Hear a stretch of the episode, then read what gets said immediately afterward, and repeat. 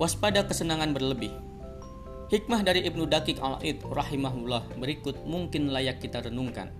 Kata beliau, mau tak mau, tubuh harus bersusah payah demi berkhidmat pada tugas dan kewajiban.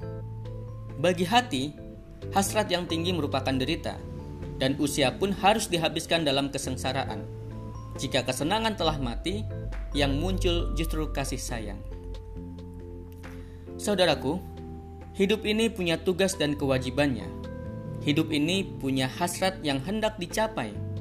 Setiap tugas dan kewajibannya perlu ditunaikan dengan bersusah payah.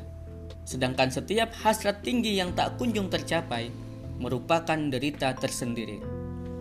Maka, sesungguhnya dengan bersusah payah, kita sedang menuju kebahagiaan.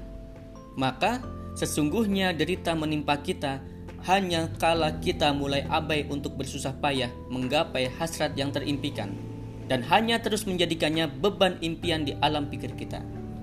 Saudaraku, usia memang harus dihabiskan dalam kesengsaraan. Meskipun kita dalam keberlimpahan, janganlah lupa diri untuk tetap bersusah payah dengan kesengsaraan. Sebab hakikatnya, itulah cara menikmati kebahagiaan setelahnya.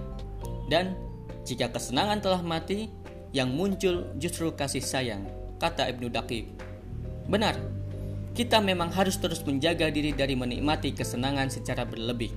Sebab sering kali itu membuat kita lupa diri untuk berkasih sayang.